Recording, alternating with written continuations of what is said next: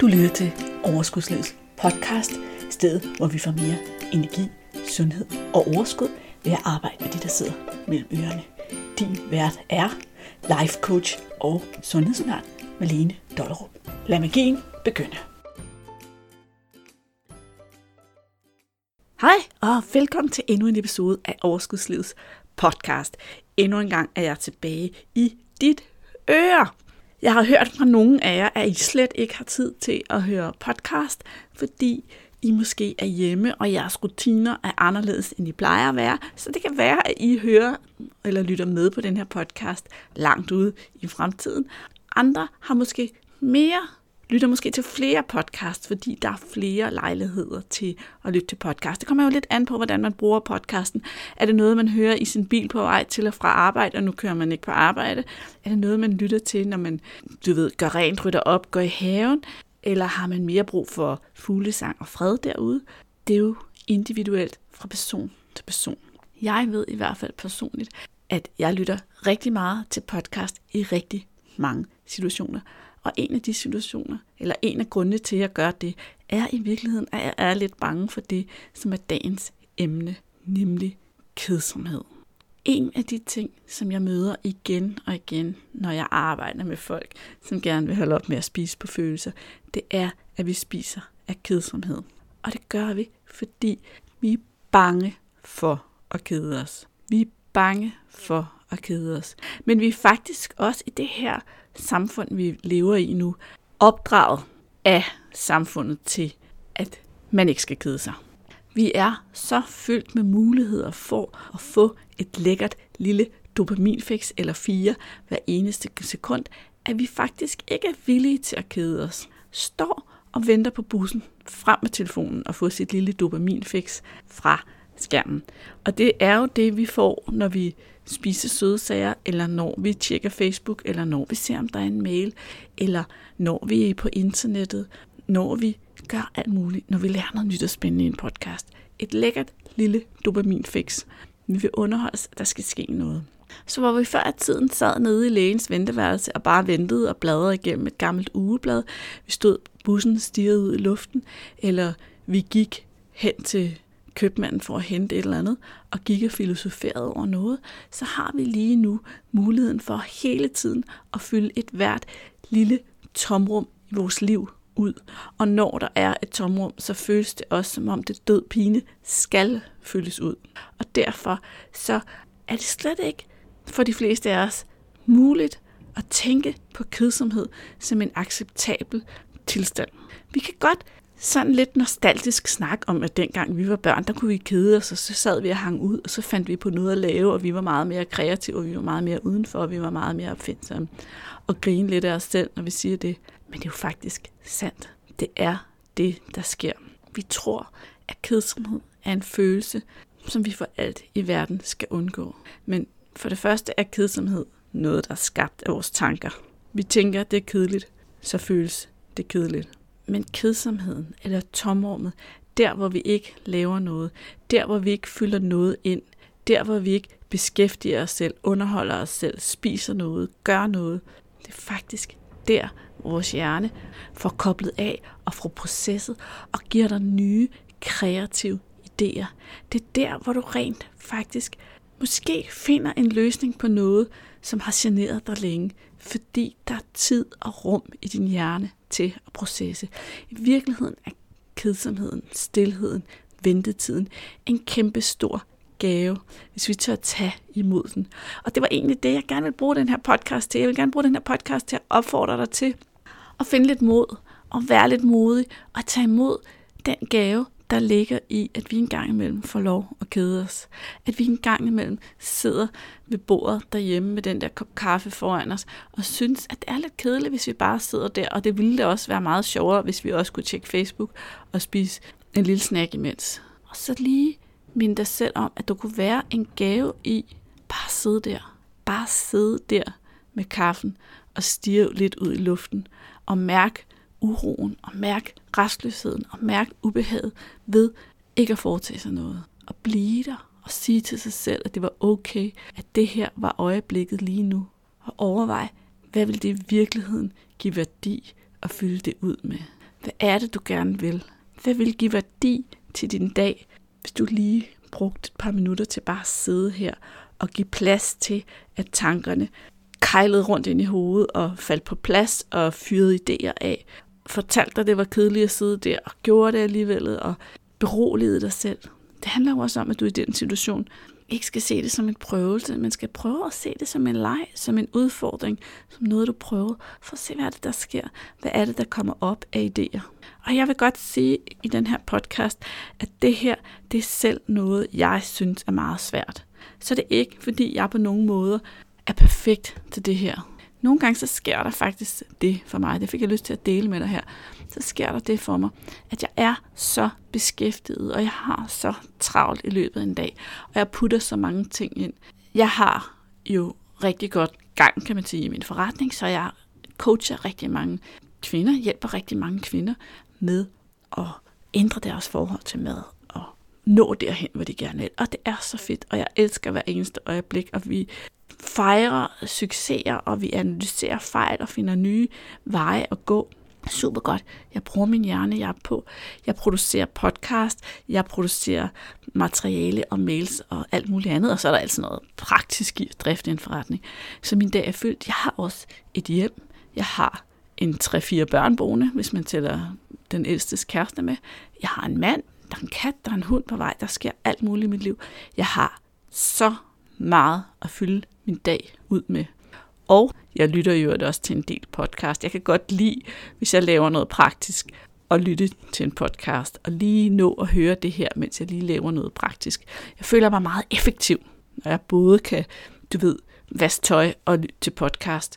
Så jeg når simpelthen ikke altid at give mig selv den her ro og den her stillhed til at processe og til at komme med nye idéer. Og hvis jeg strammer det, hvis jeg strammer den, hvis jeg gør det her rigtig meget i rigtig mange dage i træk, så sker der faktisk det, at min popcornhjerne, jeg ved ikke, om du kender det der med at have en popcornhjerne, men jeg har får rigtig mange nye idéer og rigtig mange ting, jeg gerne vil, og jeg har rigtig meget, jeg gerne vil. Så vil jeg lave en videoserie, så vil jeg lave en podcast om det her, så vil jeg lære det her sådan, øh, værktøj for at kunne hjælpe den her, og så videre, og så videre. Der sker helt tiden noget ind i mit hoved. Der sker også noget med, hvad jeg vil på hjemmefronten, og og når jeg ikke har tid til at arbejde med det, og når jeg ikke har tid til at bebejde det, fordi jeg fylder min dag så meget op, fordi der må endelig ikke være huller, der må endelig ikke være kedsomhed, der må endelig ikke være nogen steder, hvor det er ueffektivt, så er jeg i stedet for vågen om natten.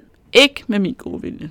Jeg siger det, det irriterer mig selvfølgelig at være vågen om natten. Men nogle gange, så kan jeg simpelthen ikke sove. Og det der sker, det er jo, at så ligger jeg der om natten og finder på alt muligt. Jeg processer alle mine idéer. Der kommer flere idéer.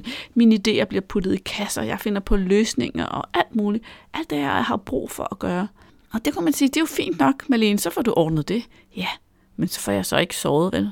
Og det er ikke særlig smart, for næste dag er jeg mere træt, kan mindre, er mindre skarp i hjernen, skal anstrenge mig mere for alt, hvad jeg skal gøre. Og så har jeg endnu mere travlt, og så kan jeg så gøre det igen næste nat, fordi jeg heller ikke tog en pause dagen efter. Så nogle gange, så gør vores hjerne det, at hvis vi ikke giver den tid til at gøre det, som den også er skabt til at gøre, så tager den sig tiden på et tidspunkt, hvor det ikke er særlig belejligt. Og for mig, der er det her med, når jeg begynder at sove dårligt, når jeg begynder at opleve, at jeg ligger om natten og får helt vildt mange idéer. Nogle af dem virkelig dårlige, nogle af dem faktisk pænt gode. Det vil sige, at nogle gange har jeg fået nogle rigtig gode idéer om natten, det er ikke det. Men så ved jeg godt, nu Malene, nu er det ikke bare tid, eller jo, nu er det tid til at stoppe op, nu er det tid til at skrue hastigheden ned. Og det skulle du have gjort for et stykke tid siden. Problemet er tit, at på det tidspunkt, der er jeg så træt. Jeg er ikke så konstruktiv, så det kan være svært for mig at se, hvordan gør jeg lige det. Fordi den her kreative, idéløsende del af hjernen har brug for roen, har brug for pauserne, for at kunne løse problemer, for at kunne være kreativ, for at finde ud af, hvad er det, jeg gør i de her situationer, for at løse det her problem. Og det samme gælder selvfølgelig dig. Jeg håber for dig, du ikke er så ekstrem som mig, at du er bedre til det her, end jeg er. Men derfor så kan du måske alligevel godt genkende dig selv i, at det her med, at du er lidt bange for at kede dig, og uanset om det er hvad tid på dagen det er, så har du måske et tidspunkt på dagen, hvor du egentlig synes, det er lidt kedeligt. og hvor du rigtig hurtigt føler den her restløshed, og den her uro, og den her kedsomhed, og den ligesom bare føles som sådan, der er nogen, der har sat en vejer godt fast i dig, og nu begynder de bare at spole ind, og de spoler dig hele vejen hen til den der skab, eller den der skuffe, eller det der sted, hvor du har de der søde sager, som du ikke vil spise. Og det hiver, det hiver, det hiver, indtil du er derovre og spiser, og får fyldt det her kedsomhed, det her tomrum ud med mad. Og for de flestes vedkommende, bare nik, hvis du føler dig genkendt, med mad og skærm på én gang.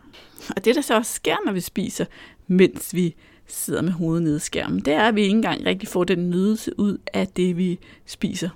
Fordi vi koncentrerer os egentlig ikke om at nyde det, så det kører bare ind på sådan en automatik, hvilket også gør, at vi i længere tid om at stoppe igen med at spise, og hvilket også gør, at vi efterfølgende ikke føler, at vi har fået noget lækkert, som vi kunne nyde, for vi har jo glemt at nyde det. Det har jeg talt om i en podcast før.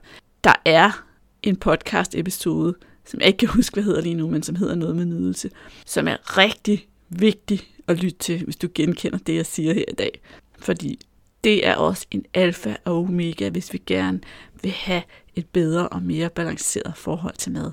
Det er, at når vi spiser noget for at nyde det, så nyde det.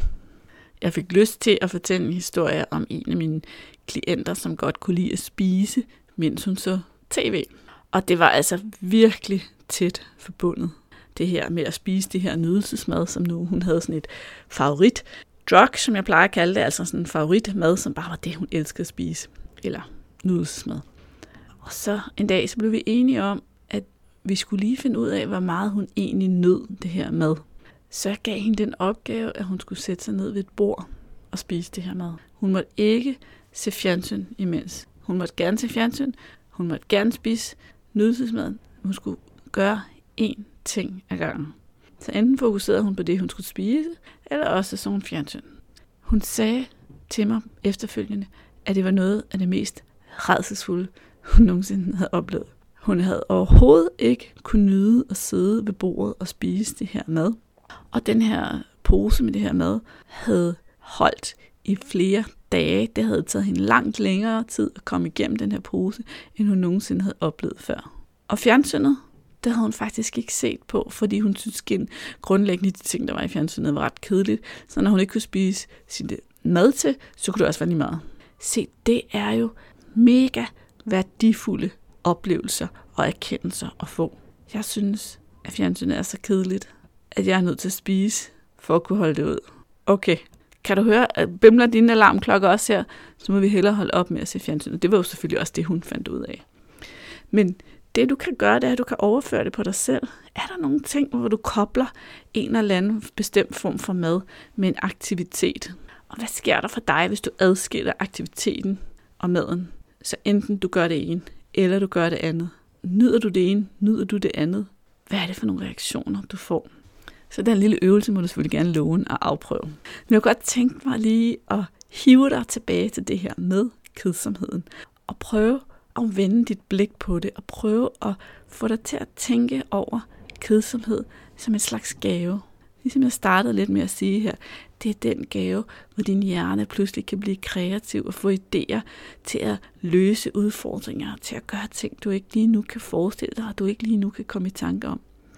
Det er enormt spændende at gå på opdagelse i, hvad er det egentlig, der sker?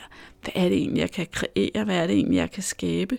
Bare med min hjerne, hvis jeg giver mig selv tid til at kede mig. Det er en gave at give sig selv tid til at lave ingenting. Og jeg mener ikke kede mig ved at se kedelig fjernsyn. Jeg mener at kede mig ved at lave ingenting. Pludselig kan jeg tænke dybere, og jeg kan reflektere. Jeg kan lade min hjerne vandre afsted og få adgang til en del af min kreativitet, som der kan føles så svært ellers at få adgang til. Fordi jeg ikke hele tiden distraherer mig selv med alle mulige udefra kommende ting til at underholde mig. Så på den anden side af den her kedsomhed, der er der nye indsigter, der er der nye muligheder, der er nye idéer. Der er mulighed for at brainstorme lidt på en masse ting.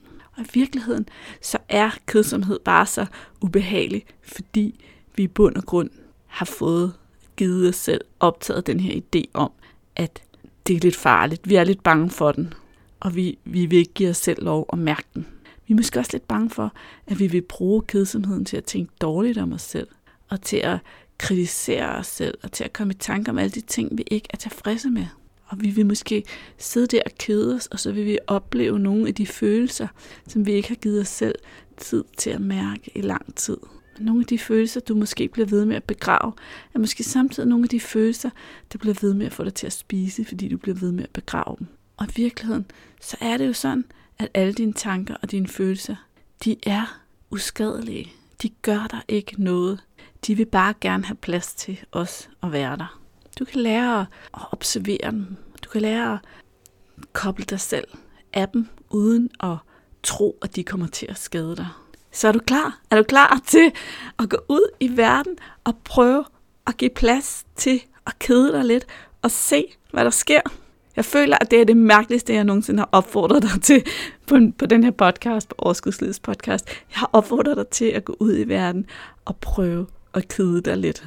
I en verden, som konkurrerer om din opmærksomhed, som konkurrerer om at underholde dig og give dig information, der har jeg opfordret dig til at stoppe lidt med at søge information, og så holde en pause og lige kede dig lidt. Se, hvad der sker. Mærk det.